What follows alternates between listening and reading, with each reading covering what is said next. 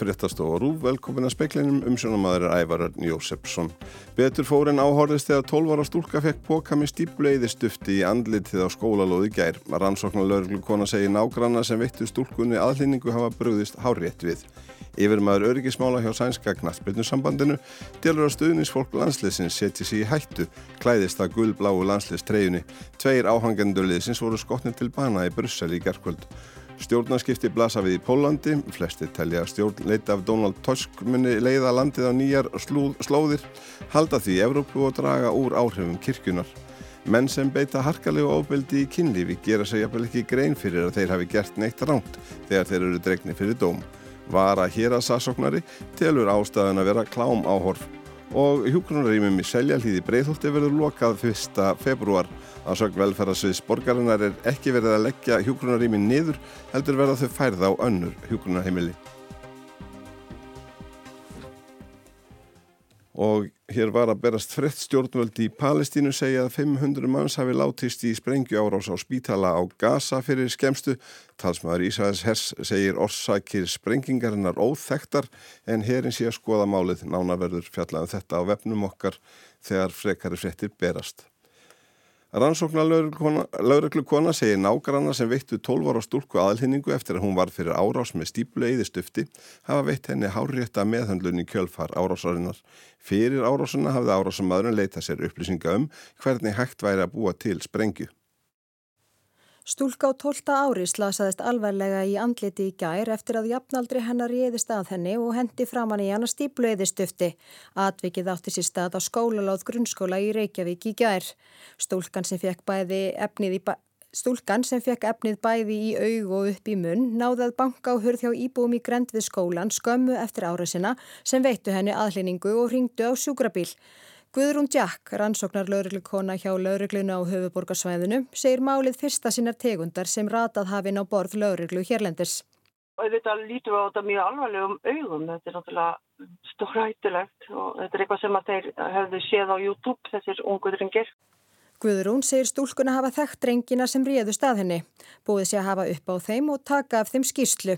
Þar hafi komið fram að þeir hafi verið að leita sér upplýsing á YouTube um hvernig hægt sé að búa til sprengju þeir hafði verið að miksa svona sprengur með svona stíflöðir og uh, blanda saman stíflöðir og, og vatn og setja í hérna flösku og hrista með hérna álpapík sem er lokað yfir.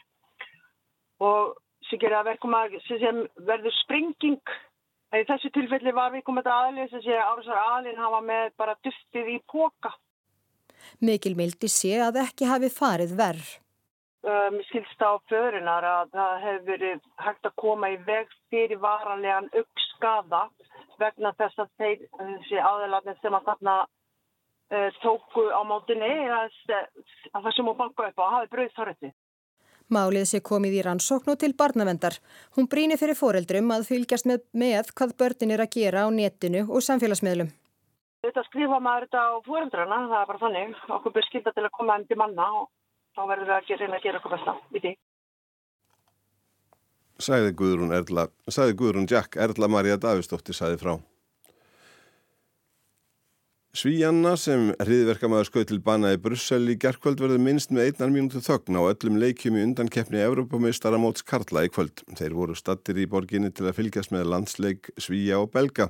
Að minnstakosti annar þeirra var klættur landslistreyu Svíja. Hugsalnett er talið að þannig hafi þeir vakið aðtikli hriðiverkamannsins sem vildi hefna fyrir að sænsk yfirvöld höfðu heimilega kveikt væri í kóranunum helgiriti muslima.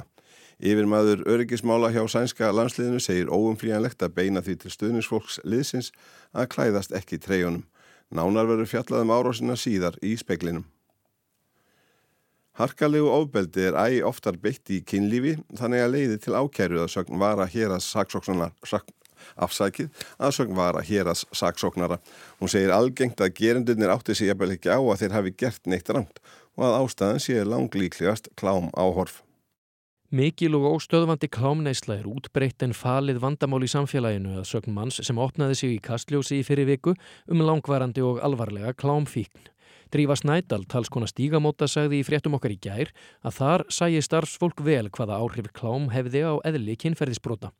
Kolbrún Benediktsdóttir Varahérað saksóknari hefur um langt árabil sótt fólk til saka fyrir kynferðisbrott. Mér finnst svona kannski vera, við þannig að sjá kannski smökk með hörku og meira ofbeldi þegar kemur að kynferðisbrottum til dæmis og maður hlýtur að velta því fyrir sér hvort að það tengist aukinni klámnötkun og kannski aukinni hörku og auknu ofbeldi í klámi það er allavega svona kannski það eina sem mann er þetta í hug en, en eins og ég segi við höfum kannski ekki lagst í neina sérstakar rannsókn á því.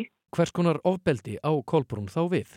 Já, mér finnst bara svona eins og við sem fann að sjá ofta það að, að, að menn sé þá beita ofbeldi eins og hálstakki, það er yfir hár, klýpa, býta, slá, eða kíla og, og jafnvel þá svona uh, menn sem eru þá kannski búið að hilsa á því að það sé kannski ekki eitthvað sem að, að mótaðalinn var til í og eins og segi þá lítur maður að velta fyrir sér hvort að það sé kannski komið upp hjá okkur um hópi einhver brengli mynda því hvernig kynlíf á að vera og, og, og hvað fælst í því að fá samþykki til dæmis.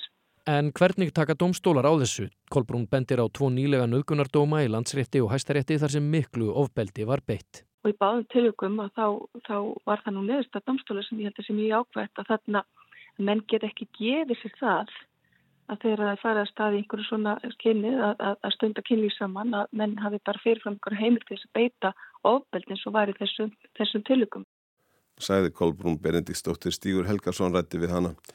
Árás að þryggja ungmennar sem leiti til þess að maður beð bana á bílastæði við fjardakaup í Hafnarferði var þar alltaf 16 ára, 16 ára fangelsi, segir saksóknari. Ungmennunum geti ekki hafa dölist að alvarlegar afleðingar myndur hljótast af henni.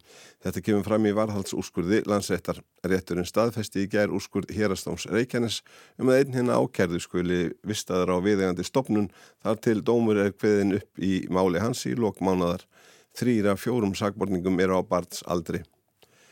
Hjúgrunarýmum í seljalíði Breitholti verður lokað 1. februar, 22 íbúar dvelja á heimilinu en að sögn velferðarsviðs borgarinnar er ekki verið að leggja niður hjúgrunarýmin heldur verða þau færið á önnur hjúgrunarheimili.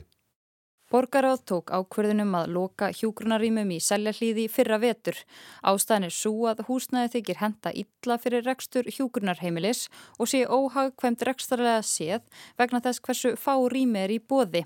Miðað er við lokun 1. februar en þeim verður ekki lokað fyrir en allir íbúar eru komin með annað hjúgrunarými.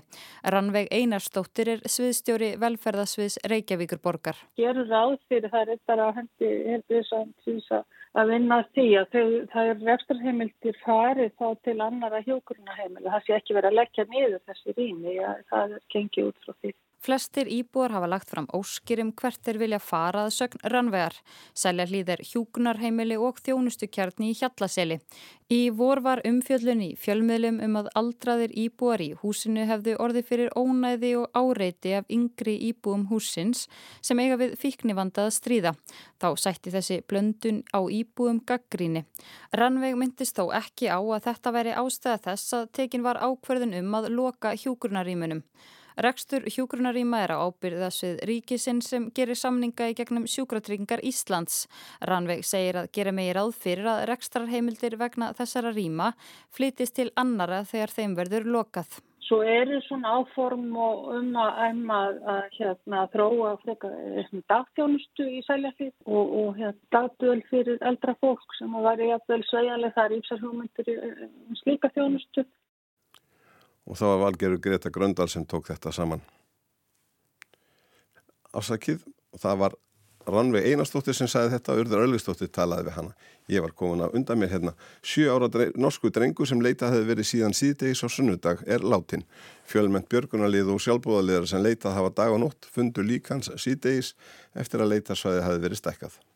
Á sunnudags eftirmiðdag varð 7 ára norskur drengur viðskila við fjölskyldu sína þegar þau voru í veiðiferði í skógi við Lindesnes í söður Noregi.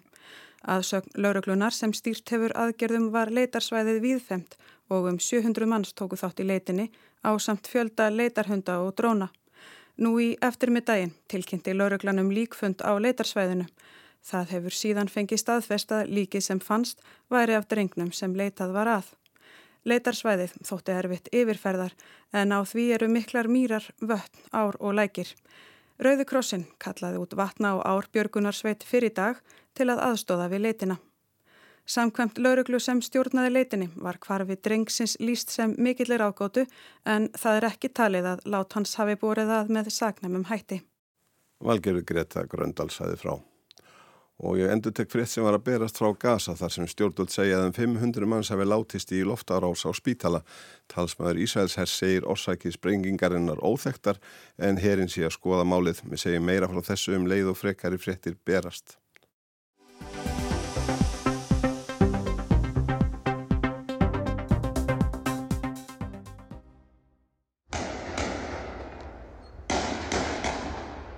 Fólki var brúðið þegar nokkri skotkvellir herðust skindilega í Mólenbekka hverfinu skamt frá miðborga Brussel snemma í gerkvöld að staðartíma.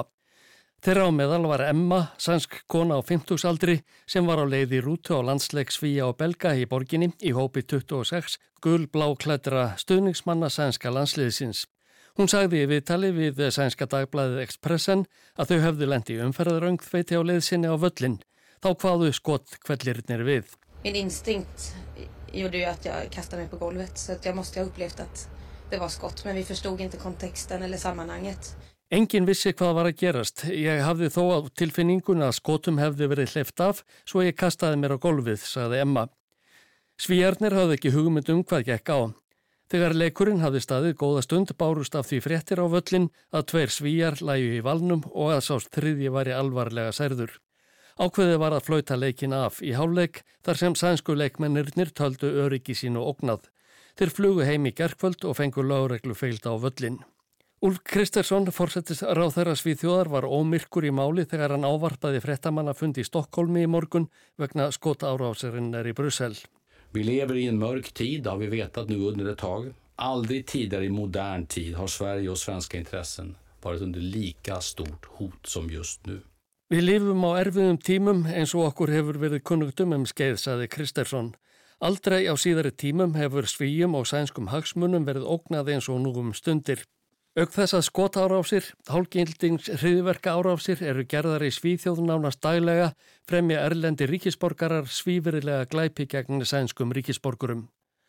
Það er áhætta sem þessi sem allir því að öryggislauraglann Seppo hækkaði viðbúnað vegna hriðiverka ógnar úr þriðja stígi í það fjörða í sumar.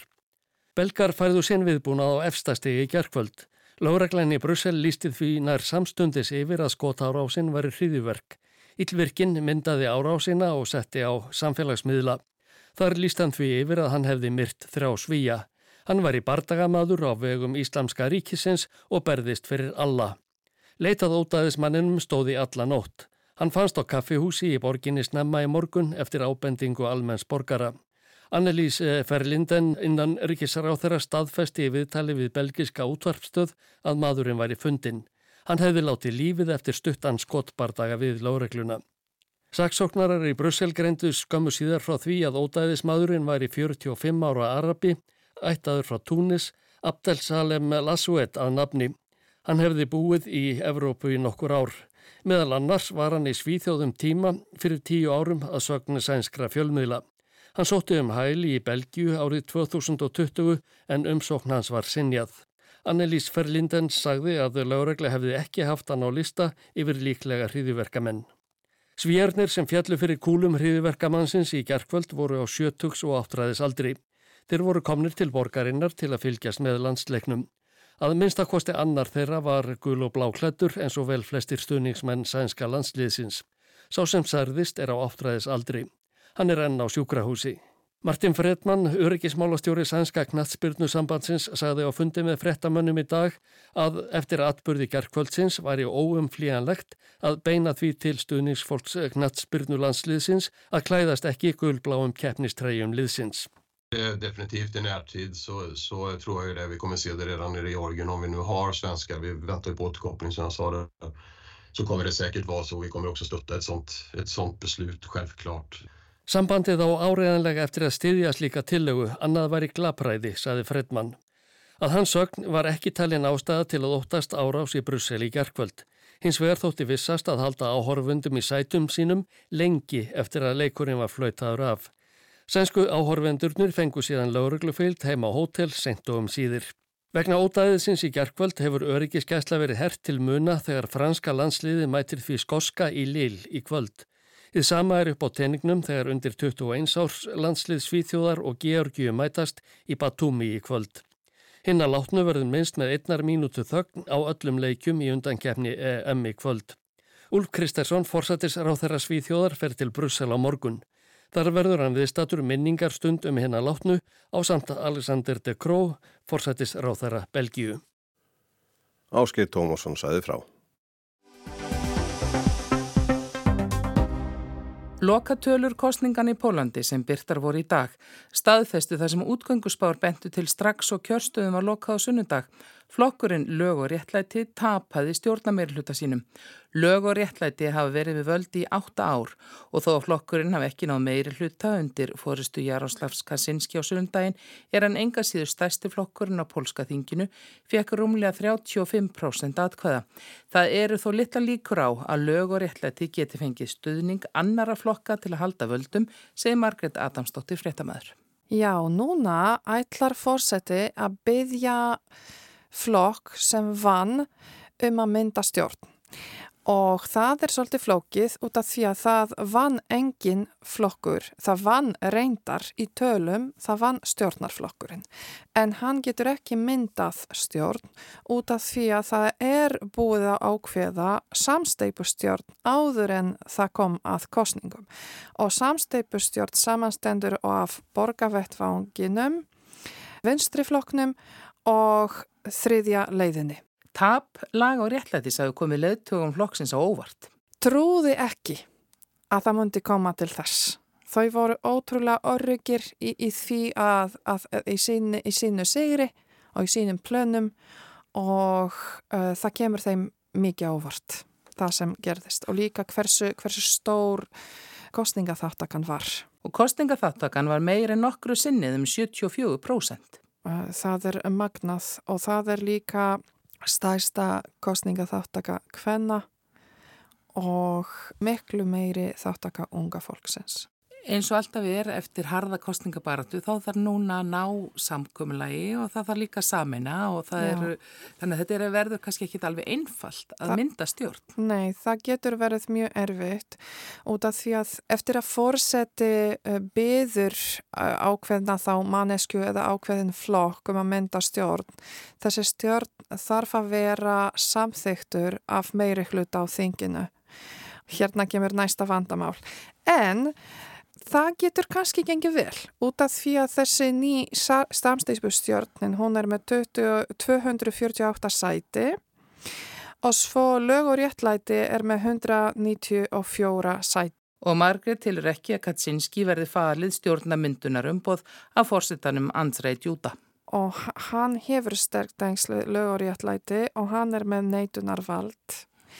Þannig að fólk er virkilega að horfa til hans og í morgun uh, breyti uh, skrifstafa fórsetans fyrsta ís ífyrlisingu og í henni var sagt að uh, fórseti vill gera það sem þjóðin vill. Þannig að hann ætlar að fara samkvæmt lögum og mynda stjórn, samt, samkvæmt stjórnarskrá sem gefur náttúrulega von að það, það ætlar alltaf ganga eins og það á að ganga. Lög og réttlæti hafa ráðið lögum og lofum í Pólandi átt ára og þar með skipan í helstu embætti áhrif þeirra hverfa því ekki við stjórnaskipti. Það sem er líka mjög margir eru að búast við er ríkisjónvarpið, það útvarpið TFB sem þessi flokkur tók uh, yfir og það er því miður, það var því miður rittskoðað og pólverjar vilja hafa aftur sína starsta fjölmiðil sem, veri, sem verður bara í, í, í þái allra, ekki bara þessa sem kussu lög og réttlæti. Það sem er einnig háhavert er að Donald Tusk, hann fekk mest atkvæði sem þingmaður hefur fengið í stjórnakostningum. Þetta er bara met Pólans. Hann fekk rúmlega 530.000 atkvæði sem þingmaður. Og hvernig stjórnmálumæður er Tusk? Tusk er búið að vera fórseti leitugaráts eh, SB í fjögur ár og hann er búin að vera fórsætisráð þeirra einu sinni og svo dró hann sér úr pólitíkinni á meðan hann var leiðt á í Evrópu og hann hefur komið sterklega tilbaka í þessari kostningabaráttu. Ég held að margir pólverjar sjá hana sem mannesku og afl sem virkjaði þessa kostningaþáttöku og ég held að margir eru honum mjög þakkláttir. En svona leðtói laga og réttlætis, hvernig halda menna hann muni verða í þinginu? Það getur verið ótrúlega ljót uh, bara út af því að ég held að því miður uh, þessir leðtóar, sérstaklega Kaczynski og Tusk, eru bara óvinnir og það er bara orðið opinbert og opinskatt. Þannig að það getur verið frekar uh, slæmt. En það að stjórnar anstaðan vann sínir líka það hvernig pólverjar sjá Kaczynski að þau sjá hann svolítið eins og svona aðeins hættulegan einrætisherra eins og Orban það myndaðist jafnvel svona orð polexit fólk eh, var að óttast að hann er virkilega að leiða Póland úr Evrópusambandinu. Það er ekki eitthvað sem flestir pólverjar vilja. Margrét á von á töluverðum breytingum undir nýri stjórn til dæmis í samskiptum Póllands við Evrópusambandið, katholsku kirkuna og í efnagsmálum. Það hafi löngum verið mikill munur á hvernig brottfluttir pólvera kjósa og þeir sem búa í landinu. Þeir brottfluttu hafa frekar kosið gegn sitjandi stjórnvöldum. Ísland er mjög sérstakt. Pólverjar á Íslandi kursu borgaravettvangin og öll, alla hinna flokkana og lög og réttlæti er í fymta sæti.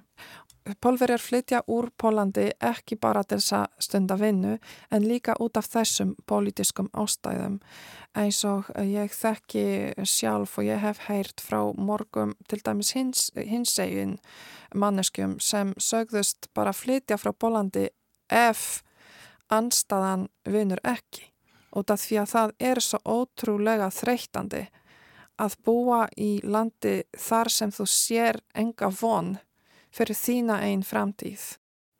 Sæði Margret Adamsdóttir, Anna Kristín Jónsdóttir talaði við hana. Getur innritunarkerfi í framhaldsskóla haft mikil áhrif á það hvernig fólki vegnar í lífinu og vitum við hvernig nefndum vegnar í framhaldsskólum og hvernig gengur í skólakerfinu sjálfu? Þorlákur Axel Jónsson, kennari við kennaradelt Háskólans á Akureyri, sérhefis í félagsfræði mentunar og rannsóknum á framhaldsskólum. Já, það hlýtur að vera hannig að það skiptir máli í hvaða framhaldsskóla maður gengur. Það skiptur öruglega mestu máli að ljúka námi, að ná þeim markmiðum sem fólk setur sér en það er þannig að framhaldsskólar eru ólíkir og sumir búa fólk vandlega undir tiltekið eftir sótt nám og meðan að aðrir ná ekki að gera það. Kerfið eins og það er núna, það er ólíkt kerfin eins og það var, já hvað fyrir, um, um, í kringum aldamótin er það ekki? Já, það er núna fyrir fáum árum búið að afnema e, samræmda landsprófið sem að var við líði ára tugið þar á undan Það var 1977 sem að samrændi prófum voru sett á. Þannig að allir háttu í lok grunnskóla að taka próf sem að gæfi þeim upplýsingar um það hvernig þeim hefði gengið að læra og prófið átt að segja til um hvaða möguleika menn hefðu svo í framhaldinu. Og þetta var arftæki landsprófsins sem var sett 1946 og þetta var við líði alveg fram undir okkar daga.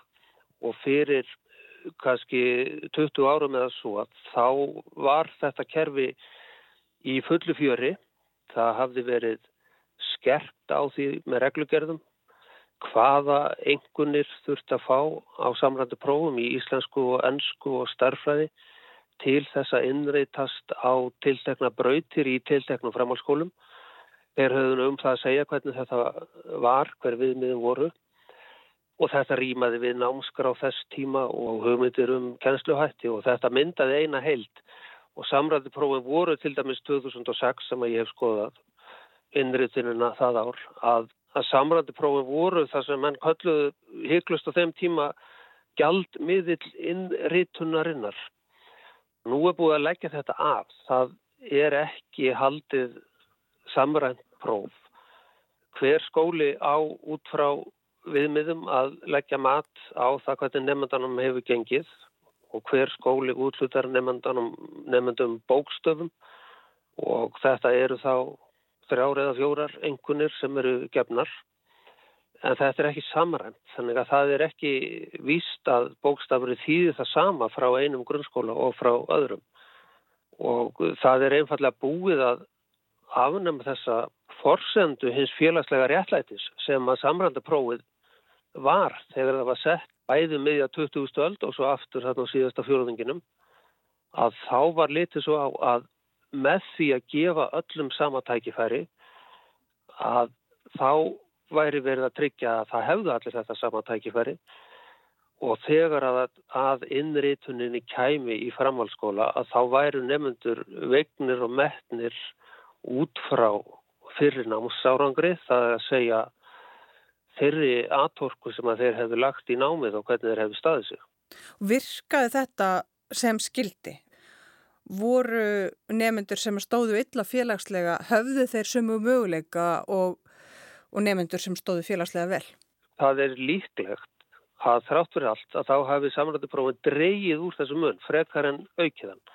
Þeir voru sett á til að draga úr félagslegri mismunum á sínu tíma og árið 2006 þá var höfuborgarsvæðinu skipt upp í innritunarsvæði sem að voru sex og á öll, öllum svæðum voru allavega einn eða tveir eða þrýr bóknámsskólar og svo einnig fjölbreytaskóli eða yðinskóli og ég skoðaði hvernig nefndunir færðust á milli þessara svæða við innritunina þar að segja bar saman hvernig hún var í raun og hvernig hún hefði mögulega átt að vera ef svæðis innritunin hefði ennþá verið gildi. Þannig verður auðvitað að hafa það fyrirvar á að það þarf ekki að tala lengi við fólk sem að innritaðist á tímum svæðis innritunar til að fá einhverja sögur af aðferðum til að komast inn á svæði með einhverjum heimilisfangaflutningum með einhverju. En það myndi þá bara skerpa myndina ef að væri hægt að reikna með því sem er ekki hægt. En það var heimanleiki á millisvæða um helmingur nefnda fór út fyrir sitt svæði, hinn var eftir á sínu svæði og munurinn á þessum hópum sem að hreyðu sig og hinnum var sá að nefnundur sem að voru hreymanlegir höfðu hærri þjóðfélagstöðu og það voru frekar stúlkur og en umfram alltaf voru það nefnundur með hærri engunir. Þannig að virkaði kerfið, það virkaði allavega fyrir uh, stúlkurnar að stúlkur með lága þjóðfélagstöðu sem að stóðu svo vel í grunnskóla með háa einhvern í starfræði, þær hreyfðu sér frekar af sínum svæðum inn á svæðin þar sem að eftirsóttu framhalskólanum voru, frekar heldur en strákar. Og þær voru jafn hreyfanlegar og stelpur með herristöðu á meðan að strákarnir í larri þjóðfélagstöðu sátt eftir. En þetta kerfaði gagnaði stelpum sem voru góðar að læra með lága þjóðfélagstöðu. Núna í dag, hvernig getum við vitað hvernig nefndum vegnar og hvernig skólakerfið virkar? Við getum auðvitað fylgst með námsframvindu, þar að segja brottfallinu, hversu mikið að lítið það er. Þannig að við getum að fýleitinu til vita hvernig nefndum vegnar, en hvernig einn gengur að læra, það er ekki lengur neitt próf lagt fyrir sem gefur yfirvöldum upplýsingar um það hvernig nefndum gengur að læra í skóla þar að segja það er búið að leggja niður samræmda lokaprófið í tíunda og svo í nýjunda bekk. Án, sko það virðist að hafa verið tæknibilun hjá mentamálastofnun sem var til þess að þessu var hægt. Það var talað mjög gegn samrænda prófinu, það voru talsmenn skóla án aðgreiningar sem gerðu það og oft með málefnulegum rökum eins og að prófið stjórnaði skólahaldi og mikið og að það væri ekki sangjart að að dæma alla nefnendur á þeim fórsendum sem að prófin hafðu. Til dæmis var samstarfshæfni ekki metinn en í stað þess að reyna nú að setja undir þessa ágalla þá eða bæta úr þeim, það var bara öllu lokað. Það er vissulega vinna í gangi við, teljið mig vita, þar sem eitthvað á að taka við en hvað það er, það veit ég nú ekki og ég veit ekki hver veit það. Sæði Þorlókur Aksel Jónsson Ragnhildur Tólasíus rætti við hann. Fleira er ekki í speklinum í dag. Verðið sæl.